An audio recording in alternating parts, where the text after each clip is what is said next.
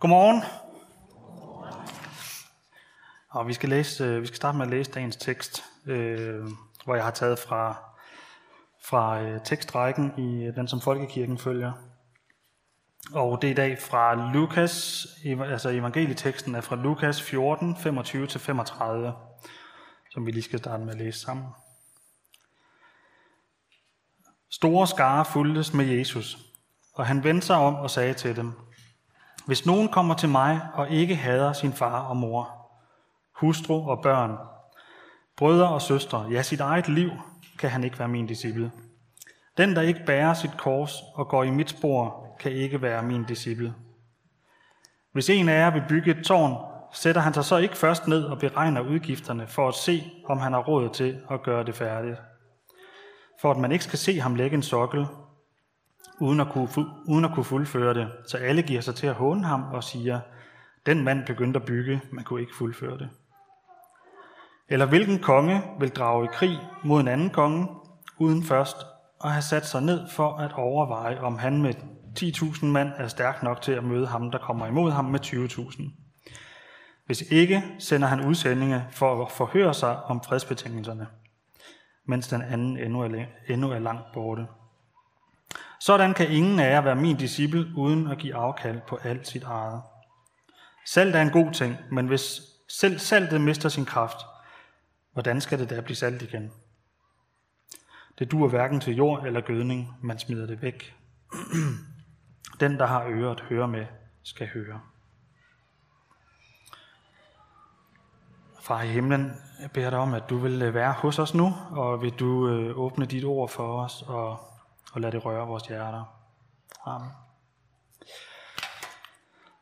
I, tilbage i øh, 1986, der besluttede vores politikere, dem der var vores politikere dengang, de besluttede sig for at opføre en fast forbindelse over Storebælt. Øh, og lovforslaget anslog anlægsomkostninger, altså selve prisen for det her øh, byggeri, til ca. 12,9 milliarder. Og Hængebroen her, den ville, øh, da den blev opført midt i 90'erne, den ville på det tidspunkt være den største i hele verden. Sikke et projekt. 12,9 milliarder. Så kommer der selvfølgelig noget forrentning. Det tager nogle år at bygge sådan en, øh, en, øh, en bro. Øh, og når man så begynder at projektere, så kommer der også lidt tilrettelser. Og allerede i 1988, så hævede man anlægsbudgettet til først 17,4 milliarder, og dernæst til 17,9 milliarder. Og når det så byggeriet så gik i gang, så kom alle problemerne. Så var der jordbundsforhold, der ikke var i orden, og der var en oversvømmelse, der drillede lidt ude på Sprogø. Øh, så budgettet som startede på de her 12,9 milliarder, det blev altså igen hævet i 1991 til ikke bare 19 milliarder, men igen i 1992 til 21,5 milliarder. Så altså fra 12,9 milliarder til 21,5 målt efter samme målestok i, 1900, i, øh, hvad hedder det, i 1988 værdi. 21,5 milliarder. Da broen, da broen den stod færdig i 1998, der var selskabets samlede gæld på 38 milliarder. Statskassen betalte gildet. Projektet stoppede ikke, fordi at øh, det blev en lille smule eller rimelig meget dyrere, øh, end man fra start havde talt om. Det blev gennemført, øh, selvom prisen den stak fuldstændig af. Så jeg håber, I har en kobling til dagens tekst nu. Den bro, øh, som det handler om i dag, det er en lidt anden form for bro, og det er ikke Øresundsbroen eller den kommende Femern-forbindelse. Øh, det handler om den bro, som forbinder os med Gud. Lige siden syndefaldet, der har, øh, der har der været den her uendelige, dybe og uoverstigelige kløft mellem mennesker og Gud. En kløft, som er så stor, at vi aldrig nogensinde kan komme til at være sammen med Gud. Den kløft, den er vores synd. Synden adskiller os fra Gud, uendeligt og evigt. Vores synd og vores lyst til os selv og vores egne interesser og vores egne prioriteringer, som ikke har med Gud at gøre, de skiller os fra Gud. Dybest set handler synden om, at vi vil noget andet end Gud. af natur, så har vi faktisk slet ikke lyst til at være sammen med Gud. vi har meget mere lyst til den her verden, og alt det, der er spændende i den. Øh, jeg vil være ærlig over for jer at nævne nogle af de ting, som, øh, som jeg synes er vigtige for mig i den her verden. Og det er blandt andet øh, at være sammen med gode venner, og hygge med gode venner. Det er øh, god mad, god vin. Det er mit arbejde, synes jeg er rigtig, rigtig spændende. Jeg vil også gerne have lyst til at rejse, øh, eller råd til at købe de ting, som jeg har lyst til. Jeg vil helst heller ikke se fattigere ud end min nabo. Eller, altså seriøst, jeg er ikke, det er ikke fordi, jeg er optaget af, at jeg skal være sådan styrtende rig, eller tjene øh, kassen og leve i luksus, men nogle gange så synes jeg heller ikke, det er fedt at se alt for fattig ud i forhold til de mennesker, som man omgiver sig med. Det er også super vigtigt for mig, at øh, mine børn de har alt, hvad de har behov for. Alt, hvad de skal bruge. Det er vigtigt for mig, at mine børn de har alle de muligheder, som øh, de har eller kan få brug for. Og det er selvfølgelig også vigtigt for mig, at mine børn de er sunde og raske og trives og er glade. Det er nogle af de ting, der er vigtige for mig. Og der, der er jo ikke ret mange af de her ting, som er imod Guds vilje. Måske lige bortset fra, at jeg godt kan blive jaloux på andre, der har mere end mig. Øh, men ellers så er det jo sådan generelt gode ting. Problemet er bare, at de kan tage mit fokus fra noget, som i virkeligheden er endnu vigtigere. Og Bibelen siger, at den, som vil være venner med den her verden, vi lever i, står som en fjende af Gud. Det er sådan ret firkantet skåret ud. Så vi har altså et problem, for vi sidder godt og grundigt fast i vores synd og vores egne prioriteringer. Og vi kan aldrig nogensinde komme til Gud på grund af den synd. Gud er hellig og tåler ikke synd. Derfor er der den her uendelig dybe kløft imellem os. Men Jesus, han har banet vejen. Han har bygget broen. Han, han er broen. Som han selv siger, så er han vejen, sandheden og livet. Og når vi følger ham, og vi går hans vej, så kommer vi til Gud. Og der er ikke andre veje til Gud. Og i dagens tekst, der får vi ligesom en kraftig opfordring fra Jesus til at sætte os ned og regne på vores eget lille projekt, eller vores eget store projekt, vores livsprojekt, kan man vel sige. Hvis en af jer vil bygge et tårn, sætter han sig så ikke først ned og beregner udgifterne for at se, om han har råd til at gøre det færdigt. Jesus opfordrer os i dag på det kraftigste til at tænke, os, tænke godt og grundigt igennem, om vi er klar til at betale, hvad det koster for at følge ham. Og gå på hans vej, gå på hans bro, som fører os til Gud. Også selvom prisen kan komme til at stikke helt af. Og det overblik har vi ikke, der hvor vi står nu. Så Jesus han vil vide, om vi er klar til at gå all in som man siger. Ellers så kan vi lige så godt lade være. Jesus har også lovet os, at den, der kommer til ham, vil han aldrig vise bort. Aldrig nogensinde. Men han har samtidig aldrig lovet os, at den, der kommer til ham, vil få et problem frit liv. Jesus har aldrig lovet os, at et liv med ham vil blive uden udfordringer. Han har ikke lovet os et kristenliv, uden modgang, uden modsigelser, uden forfølgelse, uden selvopoffrelse, uden selvtilsidesættelse eller uden splid og smerte. Nej, tværtimod. Jesus siger til os i dag, at hvis vi vil vandre med ham og have del i hans frelse, som gives til os, som han giver til os helt uden fortjeneste, så vil han også have den ubestridte første plads i vores liv så må vi til side sætte alt andet og give ham plads. Det er nemlig ret nemt. Ja, det er faktisk det er ligefrem gratis at fordele i nåden og fordele i frelsen og det evige liv. Vi får på det bogstaveligste, i bogstaveligste forstand uendelig meget foræret, når vi møder Jesus. Lige før så nævnte jeg, hvad, der er, hvad jeg synes, der er vigtigt og spændende i mit liv. Og ofte så undrer det mig også, at det får lov til at fylde så meget i mit liv, og Jesus han får lov til at fylde sig lidt. Jeg ved ikke, om der er nogen af jer, der indimellem tænker over, hvad der venter os efter det her liv. om I nogensinde tænker på, hvad der sker, når I lukker øjnene for sidste gang på den her jord. Hvor meget, hvor meget tænker du på den del, der kommer efter døden?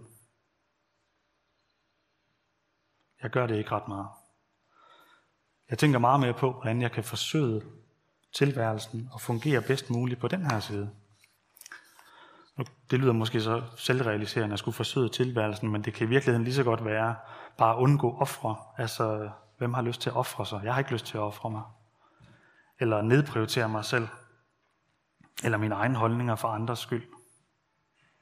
Eller for Guds skyld. Det her liv, som vi lever nu, det slutter på et eller andet tidspunkt. Det kan være i morgen, det kan være om 50 år. Men jeg tør næsten at love jer alle sammen, at om 100 år, så er der ingen af os, der sidder her i dag, i den her kirkesal, som lever på den her jord længere. Om 100 år fra nu af, så er vi alle sammen et andet sted. Så har vi stået ansigt til ansigt med vores frelser. Vi har stået ansigt til ansigt med vores skaber, på godt eller ondt. Og vi er i en ny tilværelse, som aldrig i evighed ender. Der findes kun to udgange på det her liv. Enten en evig fred og lykke sammen med Gud på den nye jord, eller en evig fortabelse, det vil sige en tilværelse uden Gud. Så der er noget på spil, og Jesus han vil have, eller han opfordrer os til, at vi sætter os ned og regner på det. Er vi villige til at betale, hvad det koster?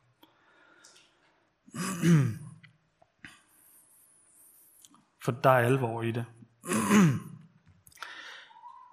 Når man tænker på, hvad der er på spil, så kan jeg godt selv blive overrasket over, at jeg går så meget op i det her liv. Nogle gange så kan jeg endda blive nervøs for, om jeg overhovedet tror på det. Jeg bliver anfægtet af tvivl på min egen tro. Og jeg ved godt, det er måske med fuld risiko at stå her foran jer og sige sådan, men det kan bare godt undre mig nogle gange, at livet, livet efter døden ikke fylder mere i min egen bevidsthed og mere i min egen dagligdag. Jeg kan jo sagtens stå heroppe og citere vers, eller sidde derhjemme, eller sidde i B-gruppen og citere et vers, hvor der står noget, eller alt formår jeg gennem Kristus, som giver mig kraft, eller øh, stol på Herren af hele dit hjerte. Og bagefter, så arrangerer jeg så vidt muligt mit liv, sådan så alting bliver godt, også selvom Gud ikke griber ind i det. Også selvom jeg ikke stoler på Gud af hele mit hjerte. Faktisk så planlægger jeg, det ved jeg ikke, om der er nogen af jer, der gør, men jeg planlægger langt hen ad vejen mit liv, som om Gud slet ikke findes. Det er mest, hvis jeg kommer i problemer, at jeg føler mig afhængig og håber, at han griber ind. Så prøv at spørge jer selv en gang, hvor meget af jeres liv hvor meget af jeres dagligdag lever I i direkte afhængighed af Gud. Jeg ved, at der er nogen af jer, der virkelig gør. Men jeg ved også, at jeg ikke selv gør det ret meget. Men det, der er de gode nyheder i dag, det er, at Jesus han ønsker at give os et helt nyt liv. Han ønsker os ikke bare, eller han giver os ikke bare det her liv, som vi kan være mere eller mindre tilfreds med eller mere eller mindre lykkelige eller ulykkelige over. Han giver os et nyt liv. Et nyt liv, der aldrig slutter. Der bliver en ny jord uden krig, uden smerte, uden sygdom, uden død, uden ulykke. Og det bliver en ny jord. Et nyt liv i glæde, ægte glæde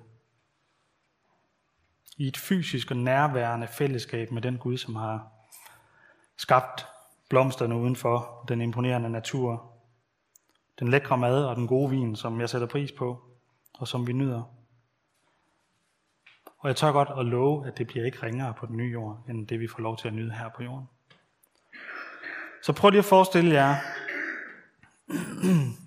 hvor vild og en fantastisk tid, der venter det er også derfor, at apostlen Peter han skriver øh, i, i sit første brev i Bibelen, at I skal juble af en uudsigelig glæde, når vi når dertil, når vi når til troens mål. Livet med Gud, som er gjort muligt gennem Jesus Kristus, er så stor og en værdifuld gave, som aldrig får en ende. Det er ægte rigdom. Livet med Gud gennem Jesus Kristus, det er ægte rigdom. Og derfor så finder vi også, hvis man læser nogle af de andre tekster til, til i dagens tekstrække til, øh, til den her søndag, øh, så finder man en, en hård besked i, øh, Johannes åbenbaring, øh, hvor Johannes skriver om englen, der skal skrive til menigheden i en by, der hedder Laodikea. Den her menighed i Laodikea, de påstod nemlig om sig selv, at de var rige. De skriver, menigheden skriver, eller siger, jeg er rig, jeg har samlet til huse og mangler intet. Og englen skriver så til menigheden, du ved ikke, at hvis nogen er elendig og ynkelig og fattig, og blind og nøgen, så er det dig. Jeg vil ikke kaste mig ud i at forklare, hvad den her menighed har gjort forkert, og hvilken rigdom den havde, den havde samlet på. Men den hurtige pointe er, er, at menigheden har ikke samlet sig den rigtige form for rigdom, den ægte rigdom. Den har mistet fokus på Jesus, og på det, som virkelig var og er vigtigt. Måske havde den her menighed en hel masse ting, som bare kørte derudad. Måske havde den fuld hus hver søndag. Måske havde den fine lokaler og god økonomi. Masser af kirkegængere. Super populær. Hvad ved jeg? Men den havde det problem, at den ikke havde Jesus på en ubetinget førsteplads.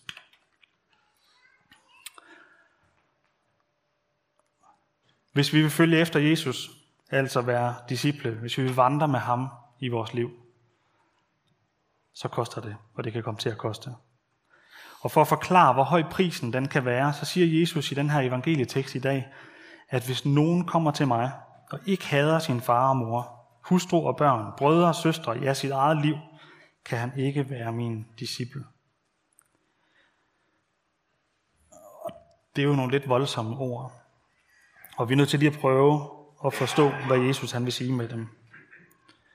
At vi nu lige pludselig skal have vores egen familie, det hænger ikke sammen med, at man skal ære sin mor og sin far, og at vi skal elske vores næste som os selv. Og vi skal endda elske vores, vores fjender. Så det er interessant lige at dykke ned i, hvorfor udtaler Jesus sig så hårdt og provokerende her. Det handler faktisk ikke om, at vi skal gå ud og hade nogen. Det handler ganske enkelt om, at vi foretrækker Jesus ubetinget frem for alt andet. For han betalte prisen, sådan så vi kan gå over broen, at vi kunne komme til Gud og få det evige liv som hans børn. Men hvis vi vil det, så må vi være klar til at tilsidesætte alt andet. Og det tror jeg, vi har fattet nu. Men hvad så? Hvad er det, hvad er det så, vi skal?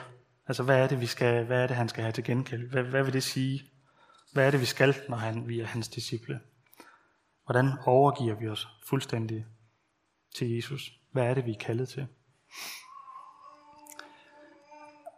Altså, jeg hører til typen, der godt kan sidde søndag formiddag i kirken og, øh, og, øh, og, og tænke, fedt mand, stærk prædiken, god pointe han har der. Vi kan sågar tale om det på vej hjem i bilen. Hold da op, mand, det var godt nok en god prædiken i dag. Og når jeg så kommer hjem, så har jeg enten glemt det igen, eller også så er jeg handlingslammet, mens jeg prøver at finde ud af, hvad Gud vil med mit liv. Fordi han forlanger jo, at jeg adlyder ham. Men hvad er det, jeg skal adlyde? spørger jeg så. Hvad er det, jeg skal gøre? Skal jeg sælge mit hus og flytte til Afrika? Eller skal jeg skære ned på forbruget?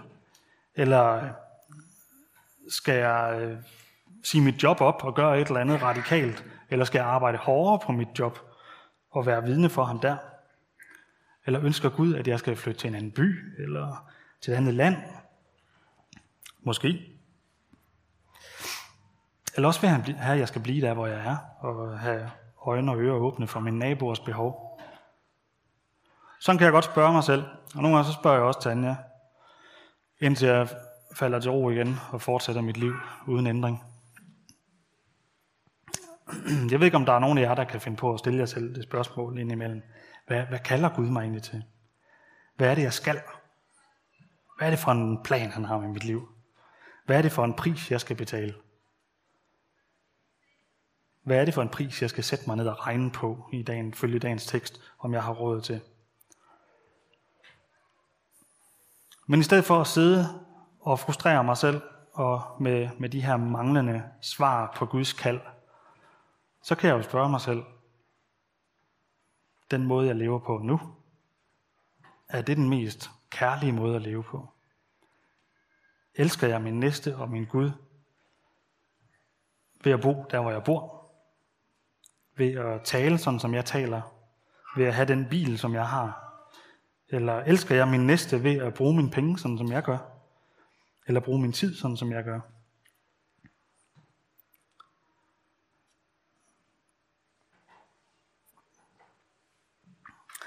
Men for mig så har det været lidt en øjenåbner, at når jeg her på mit 43.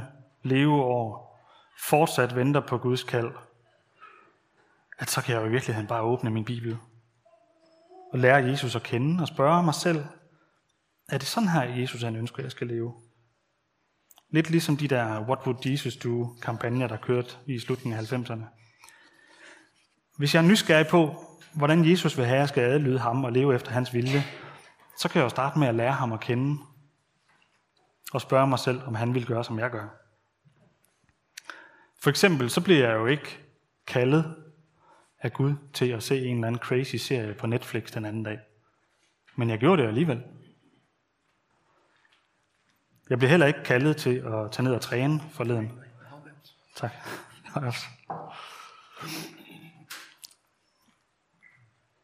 Jeg blev heller ikke kaldet til at tage ned og træne forleden, men, men jeg gjorde det alligevel. Jeg blev heller ikke kaldet til at gå en tur. Jo, af Tanja.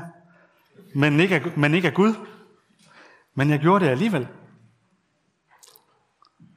Derfor så kan det godt undre mig, at, at, og måske andre også, at, at når det kommer til kaldet fra Jesus, så sidder jeg sådan lidt med hænderne i skødet og, og, og venter på en stor åbenbaring. En stor engel, der står foran mig og siger, Michael, det er det her, du skal. Men alle andre ting, jeg har lyst til at gøre, det gør jeg bare uden at, følge, uden at jeg bliver kaldet til det.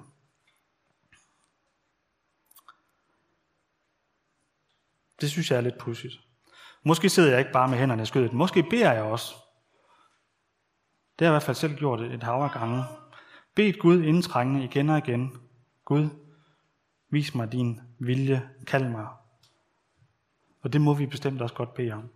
Det må I må ikke misforstå mig der. Men vi må også godt prøve bare at gå i gang. Bare møde Jesus.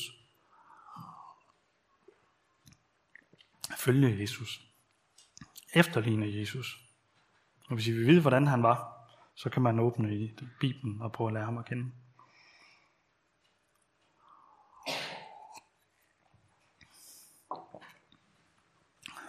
I slutningen af dagens tekst, så sammenligner Jesus de, de kristne med salt. Hvilken funktion har salt? Jesus taler flere gange om salt i Bibelen. Der er nogen nede på bagerste række, der øh, ved, hvad man bruger salt til. Hvilken funktion har salt? Det giver smag. Mere? Yes, tørst. Det er så sjovt, det er to ud af tre. Saltet har også nogle, øh, nogle egenskaber, som gør, at øh, kedelige ting som bakterier og mikroorganismer, som gerne vil nedbryde øh, mad, øh, kød, at de ikke trives super godt i et saltholdigt miljø. Og på den her måde, så kan, så kan salt altså afholde, eller i hvert fald bremse kød, maden i at gå i forrådnelse. Det brugte man meget før køleskab og fryser blev opfundet. Så når Jesus han i dagens tekst sammenligner de kristne med salt, så kan det altså godt være, at det kan godt handle om, at jorden er gået i forrådnelse. Den er ikke, som den var skabt til fra starten af. På grund af synden er den gået i forrådnelse. Det perfekte skaberværk, hvorom Gud sagde, det er godt, det er ikke perfekt mere. Synden kom ind i verden, og skaberværket er i forfald. Men Jesus vil have saltet til at bremse forrødelsen. Han vil have saltet, han vil have, at saltet modvirker forrødelsen i verden. Og det er det, han ønsker af de kristne. At vi giver smag, som der bliver sagt, skaber tørst efter ham, indtil han kommer igen og gør alting nyt. Derfor er det også super relevant, at vi spørger os selv, når vi, eller i hvert fald jeg, sidder og venter på et kald fra Gud. Så kan jeg se på mit eget liv, og så kan jeg spørge mig selv om, hvordan modvirker mit liv, at den her udvikling, der sker i verden? Hvordan er jeg med til at bremse forrørelsen? Tør jeg være salt? Tør jeg at gå imod strømmen? Tør jeg sige fra, når vi sidder og bagtaler nogen på arbejde? Eller tør jeg argumentere for det, som jeg tror på, når jeg sidder i en diskussion?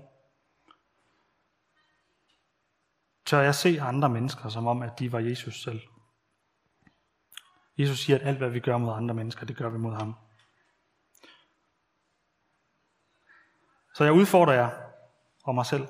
Prøv i morgen rent faktisk at leve som om enhver, du kommer i kontakt med, er Jesus selv.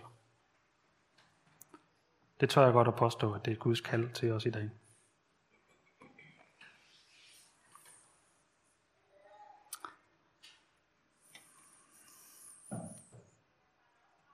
Lad os lige bede sammen.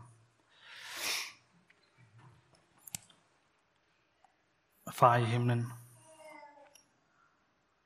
jeg beder dig om, at vi må tage dit kald alvorligt. Giv os mod til at følge dig, efterligne dig, uanset prisen. Tak for den uendelig store gave, du har givet os, og tak, at du vil hjælpe os i mål når bare vi følger dig. Amen.